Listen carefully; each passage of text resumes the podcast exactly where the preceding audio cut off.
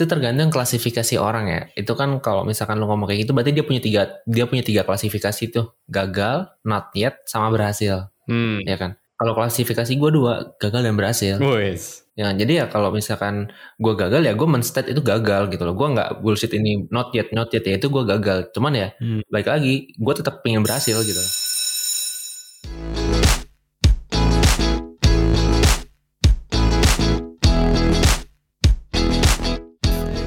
guys? Akhir tahun guys. Ah, gini-gini aja gue. Lemes gue, lemes banget. Kenapa? Kenapa Ram? Lu agak leto ya kayak Ram? Kenapa Ram?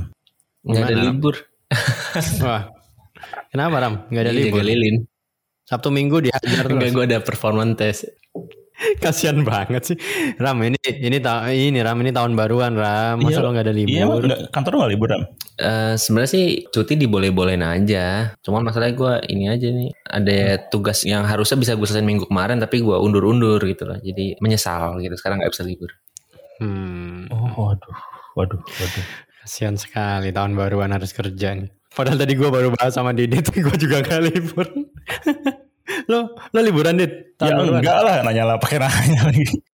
Oke, berarti kita kita kaum kaum tidak liburan. Mungkin mendengar kita juga kaum kaum tidak liburan ya, makanya kita teman kita temani teman-teman yang tidak Ada liburan. satu tapi yang libur Ji. Ada yang libur Ji. Makanya kita malam ini OKR podcast cuma bertiga, yang satu libur jadi Iya. yang yang nggak libur. Nah itu dia tuh. Enak sekali Bapak Pau ini libur ya. Kita nggak libur nih jaga kandang. Pau libur, kita bertiga jaga kandang, kita rekaman. Nanti Pau balik, kita bertiga liburan. Nanti Pau berdua sama Sari aja. Iya, kita tiga liburan. Terus kita liburannya di tengah-tengah tahun gitu. Bulan Maret nggak nggak ada nggak ada hari apa-apa kita libur. Tapi gue malah agak, agak kesel sih. Yang bikin gue nggak bisa libur itu adalah karena kan kita lagi setim nih kerja bareng ya. Kerjaan gue Hmm. tuh udah beres dari mungkin seminggu yang lalu kali ya. Cuman jadinya dianggap belum beres karena yang lainnya belum selesai gitu. Jadi gue agak-agak aduh ini bete juga ya. Ya gitu lu kebayangan lu lu udah selesai tapi yang lain belum selesai gitu. Dan lu nggak bisa ngapa-ngapain. Jadi ya ya udahlah gue terima gue terima aja lah. Oke oke. Nah, kalau 2021 gimana guys buat kalian kan? Karena buat sebagian orang ya 2021 it's a difficult time lah ya. Jadi kita merasakan banyak kehilangan gitu kan, banyak kesulitan dalam hidup gitu. Nah kalau kalian sendiri gimana guys 2021? Ya, tetap sulit Ji hidup. tetap hidup, tetap susah ya hidupnya. Kayaknya hidup lo tahun berapa aja susah. Eh kan lu seneng lu abis nikah Ram. Masa lu masa lu susah Ram? Oh iya makanya. Gimana Ram? Masa baru berapa bulan Ram? New challenge kan new challenge pasti selalu ada kesulitan di challenge challenge tapi membahagiakan. Weh, jadi susah tapi lu seneng gitu, tetap seneng gitu ya berarti ya. Iya. Iya, alhamdulillah lah kalau gitu. Lu gimana Ji? Gimana Ji? Tahun ini gimana Ji menurut lu?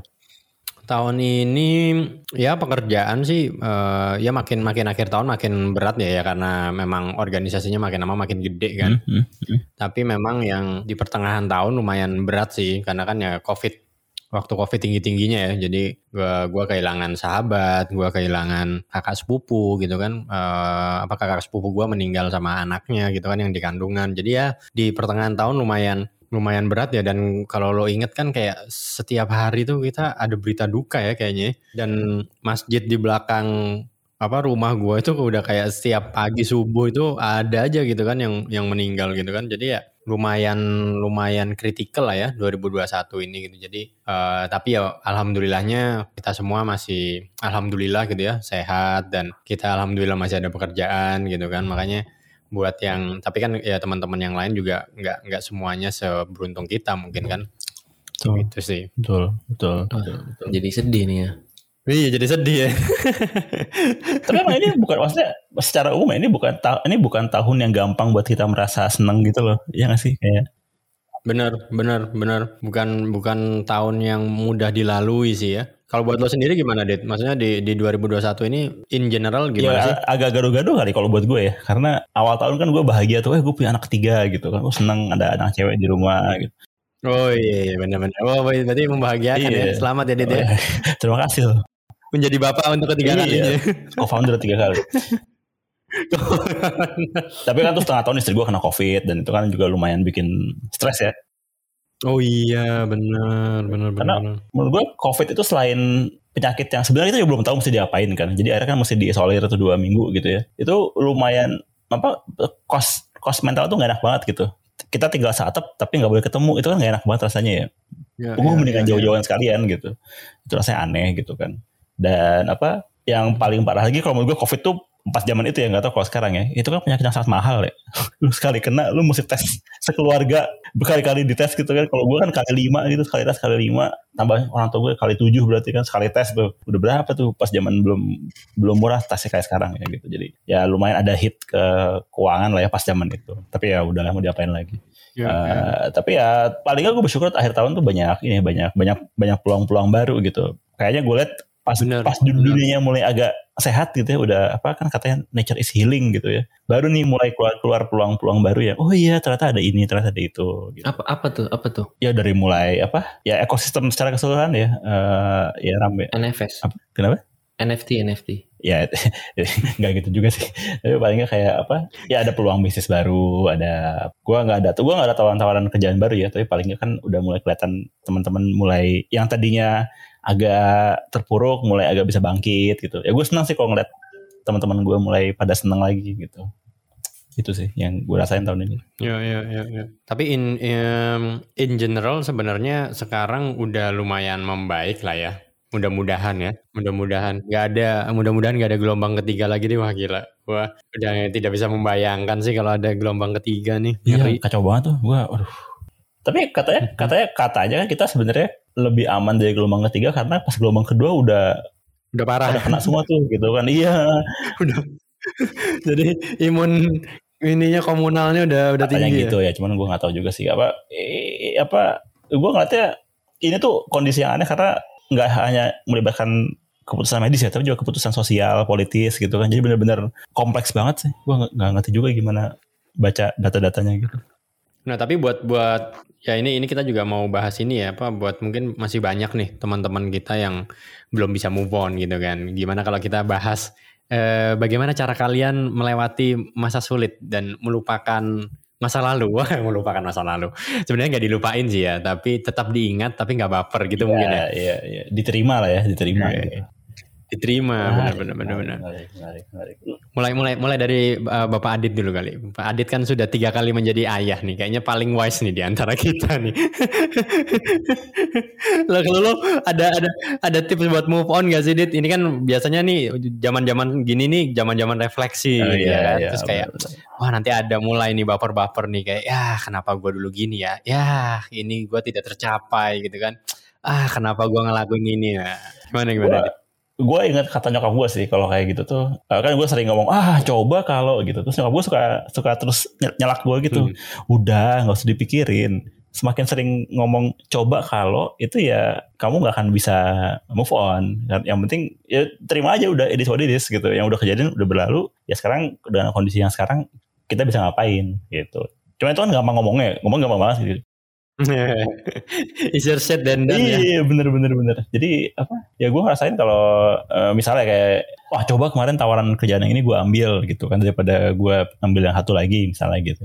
Eh, tapi gue pikir kadang-kadang gue suka refleksi gitu ya. Gue cuma mikirin nih eh, kenapa Allah ngasih gu- ngasih gue peluang buat ngerjain yang gue pilih sekarang gitu. Kadang-kadang ya kalau gue pikir kalau apalagi kalau udah kasus gue pribadi gitu, kalau gue refleksi ke nggak nggak setahun ya, tapi mungkin dua tahun tiga tahun bahkan sampai lima tahun ke belakang gitu. Gue selalu bisa nemu garis merahnya gitu loh dari semua hal-hal yang gue gue pilih gitu. Nah biasanya kalau abis refleksi terus ketemu garis merahnya jadi lebih mudah buat gue bersyukur. Oh alhamdulillah ternyata dulu lima tahun lalu gue disuruh milih ini ya karena mungkin Allah lagi pelan-pelan ngebimbing gue buat ke titik yang ada sekarang gitu.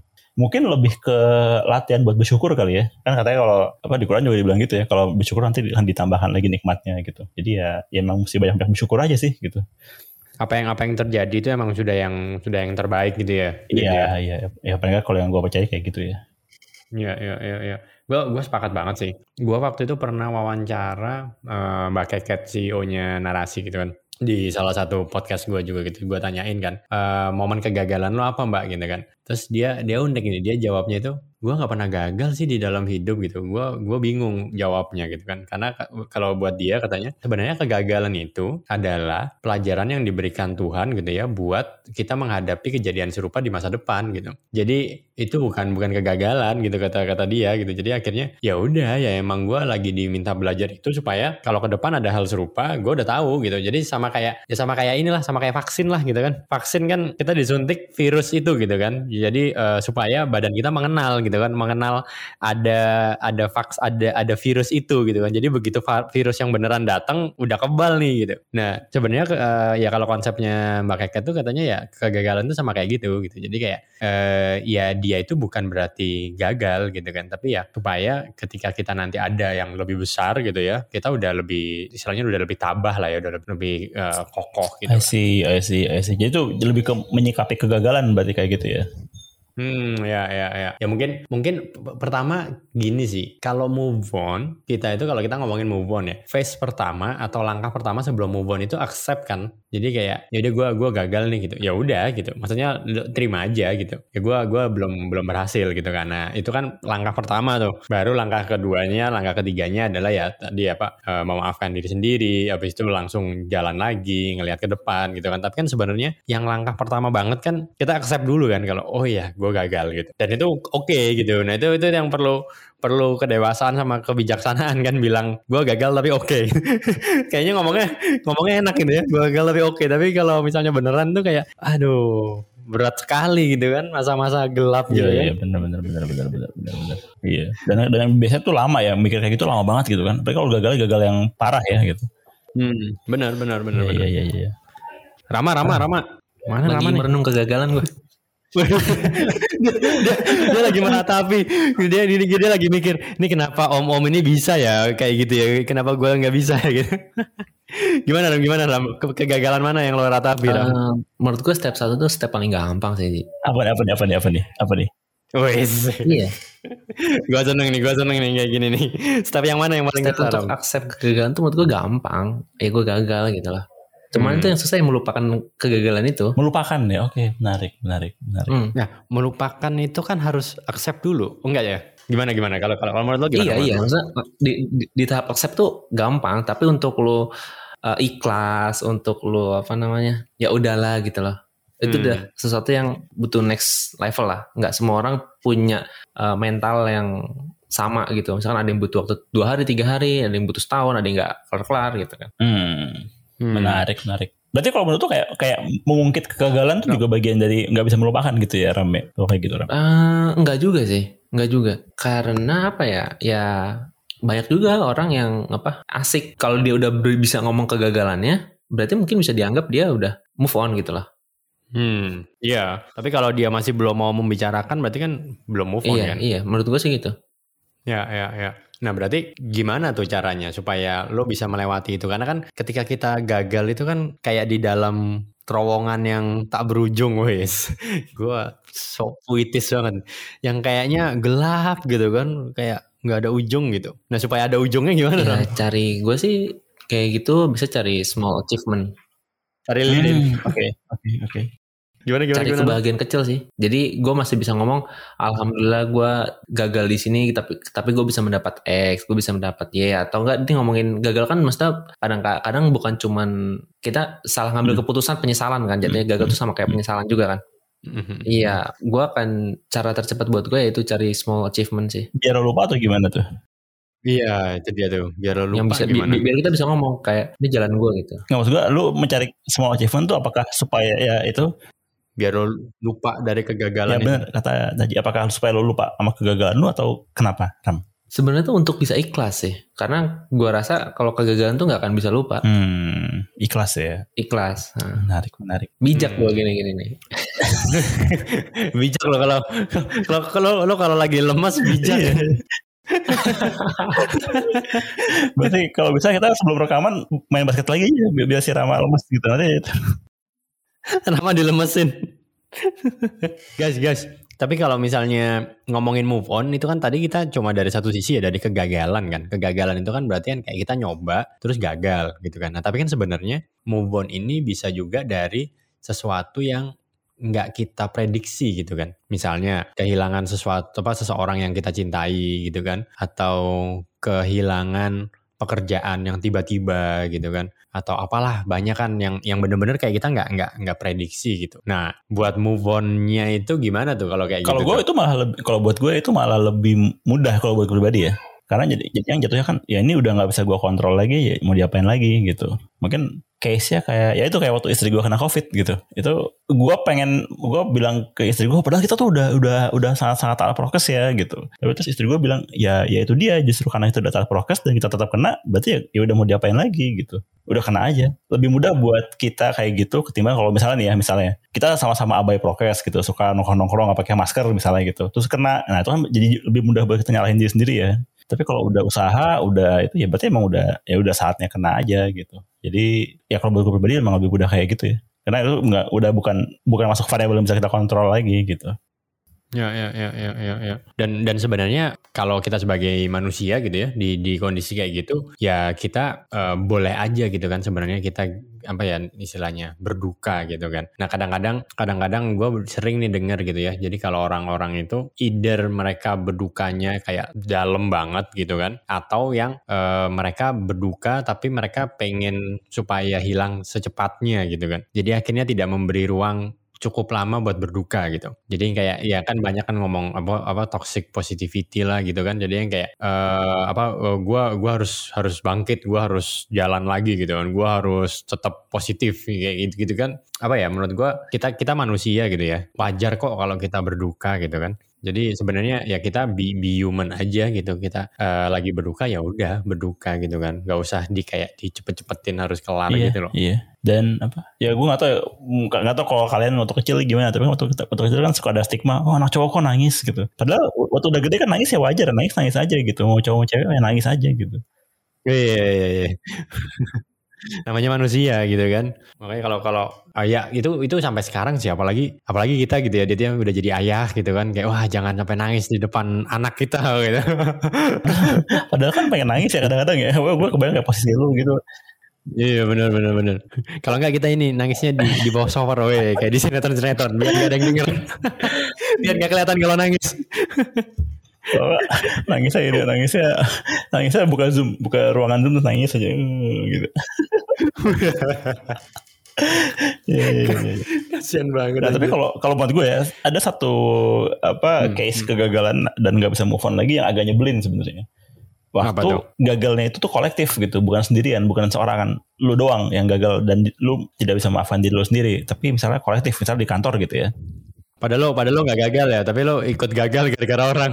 Iya, Oh ini maksudnya ini. Iya, misalnya enggak, enggak, mungkin kayak, kayak gini, misalnya gimana ya? eh, lu lagi meeting gitu kan, misalnya nih, misalnya suatu hari lu meeting dalam tim, lu sama-sama memutuskan, bukan salah memutuskan ya, si leadnya itu memutuskan buat, oke kita akan melakukan ini gitu. Ternyata kalian itu salah, akhirnya gagal nih dalam satu tim gitu. Mungkin nanti ada aja celutukan kayak, wah lu sih dulu nyuruh kita kayak begini, coba lu dulu nyuruh kita kayak yang lain. Nah gitu, itu Iya iya. Tuh, tuh yang lebih ngeselin lagi kalau ada yang bilang tuh kan gitu. Wah, iya bener.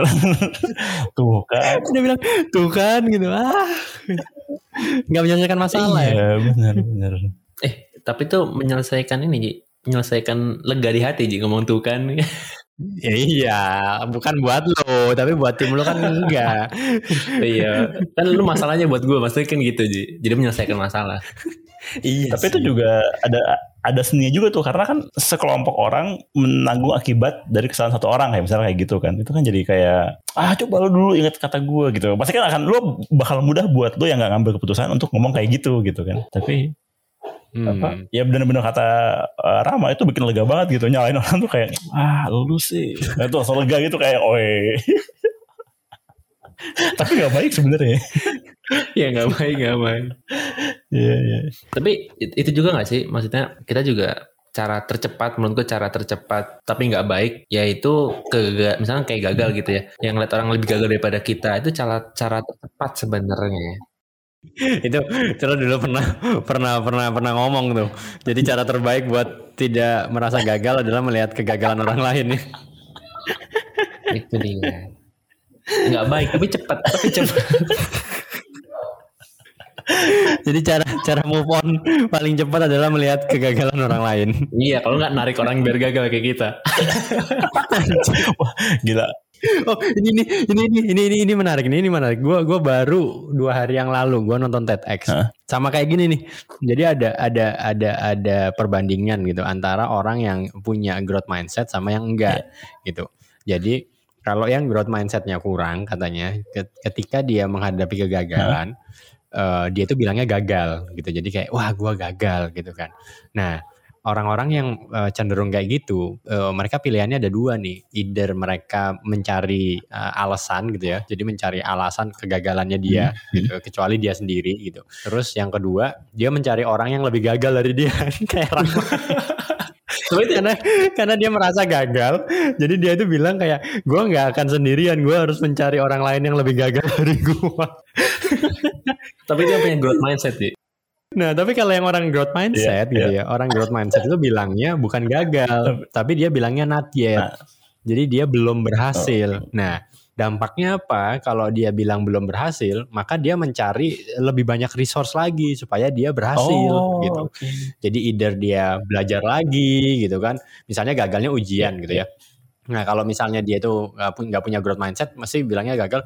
Oh ini soalnya susah, dosennya killer gitu kan. Makanya nyalain Iya, orang iya, aja. iya, kalau iya. nggak, wah ada teman gue yang gagal juga ya udah deh nggak apa-apa gitu kan. Gue apa, gue nggak lulusnya nggak sendirian misalnya gitu kan. Nah tapi kalau orang yang punya growth mindset, ketika dia gagal, oh gue belum berhasil, berarti gue besok harus belajar lebih keras lagi. Gue harus ketemu temen yang pinter gitu kan. Gue harus eh, sering ngobrol sama dosennya. Jadi kayak kalau growth mindset itu mereka karena anggapannya itu mindsetnya adalah not yet gitu, belum. Jadi akhirnya dia mm, apa men- mencoba lagi gitu dan dan dan memperbaiki. Jadi akhirnya dia selalu memperbaiki diri Hmm. gitu.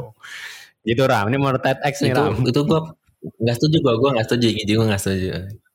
Enggak setuju. Gimana gimana gimana. Itu tergantung klasifikasi orang ya. Itu kan kalau misalkan lu ngomong kayak gitu, berarti dia punya tiga dia punya tiga klasifikasi tuh, gagal, not yet, sama berhasil. Ya kan? Hmm. Kalau klasifikasi gue dua, gagal dan berhasil.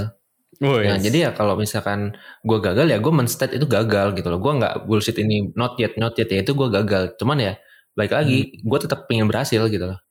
Hmm. Kan ma- ma- masa masa nanti gue mau bilang "Ah, ini gue eh, kayak apa ya? Eh, salah satu buku yang pernah gue baca juga tentang produk manajemen sebenarnya. Eh, punya Basecamp. Dia di- dia bikin di produk manajemen tuh dia bikin bikin kayak sprint gitu kan. Bikin di kayak- bikin kayak sprint. Eh, yang nggak boleh gerak itu adalah time boxingnya. Misalkan dua bulan, ya kan? Udah, udah ya udah dua bulan kita ngerjain kerjaan. Di dalam dua bulan itu di stop plug di stop kalau misalkan ini masih bisa masuk dalam standar checklist gitu ya masih oke buat dirilis ya udah dirilis tapi kalau misalkan enggak di, di scrap semua ya udah nih gagal gitu loh Hmm. itu Hmm. Nah tapi tapi gue setuju sih karena kan buat buat apa ya? eh kadang kan kita juga bisa tahu kapan mesti berhenti ya, ya nggak sih? Ya ya ya ya ya. ya. Artinya kan kalau kalau kita nge- ngejar na- natiat mulu ya mau sampai kapan gitu. Karena kadang kita ada hal yang sebenarnya ya emang kita bukan situ bidangnya gitu atau bukan situ area domainnya kita jadi ya udah udahan aja gitu. Ya ya ya ya ya ya. Soalnya kan ada juga yang bilang k- katanya we need to know uh, when to start and when to stop kan. Iya, iya benar. Itu yang uh, when to start oke ini masih bisa lagi masih bisa lagi gitu kan. Tapi juga uh, kita butuh uh, wise juga tuh buat bilang to stop gitu kan. Jadi kayak udahlah enough. Berarti kalau gitu misalnya kan. tadi mentalnya growth mindset gitu ya nanti kalau misalnya zaman dulu ya kayak gue udah tahu kayak gitu kan kalau ada mantan gue minta putus gitu gue bilang oh not yet not yet gitu. kita kita usahain lagi. kita coba lagi. Iya usah lagi. Terus aja gitu ya. Kita udahan ya. Not yet, not yet, not yet, not yet, not yet. Kita pasti bisa. aduh, aduh. Iya, ya gitu sih. Tapi dan itu menurut gue susah sih. Apa buat tahu kapan udahan tuh susah sih kalau menurut gue. Apalagi kalau Ya, ya, ya, ya, ya. engineer ya, engineer juga termasuk engineer designer tuh termasuk yang kayak gitu karena buat kita kita masih ngerasa kadang kita masih mampu kok ngelakuin itu gitu kan. Ternyata nggak bisa gitu. Jadi ya Berarti teori teori itu harus didukung dengan teori yang lain ya. Teori how to stop, iya. Ya paling kontekstual. How to have growth mindset and how to stop. Tapi berarti kalau kalau kalau kayak tadi Ji, ya tadi yang soal ngomong si growth mindset tadi gitu ya. Berarti kalau kayak kita gagal nih, terus tendensi buat nyalahin orang itu ya menandakan bahwa dia belum punya mental buat bisa growth gitu. Iya? Iya nggak Ji? Iya benar benar benar Oke. benar. Soalnya kalau apa ya gue pernah pernah baca di mana ya kayak lo semakin dewasa sebenarnya kan lo semakin berfokus kepada diri lo kan gitu. Berfokus tadi yang lo bilang kan berfokus kepada sesuatu yang bisa kita rubah gitu kan. Kalau misalnya kita nyalain orang terus nggak akan grow kita gitu. Karena kan kita ya salahnya orang terus gitu kan tadi misalnya kita gagal gagal ujian itu salahnya dosennya. Itu udah kelar kan? Nggak Iya. ada nggak ada improvement gitu kan? Karena udah maksudnya bolanya itu di dosen lo gitu kan? Yang dosen lo yang killer gitu. Tapi kan kalau oh ini berarti gua belajarnya kurang. Nah berarti kan masih bisa melakukan sesuatu gitu Iya. kan?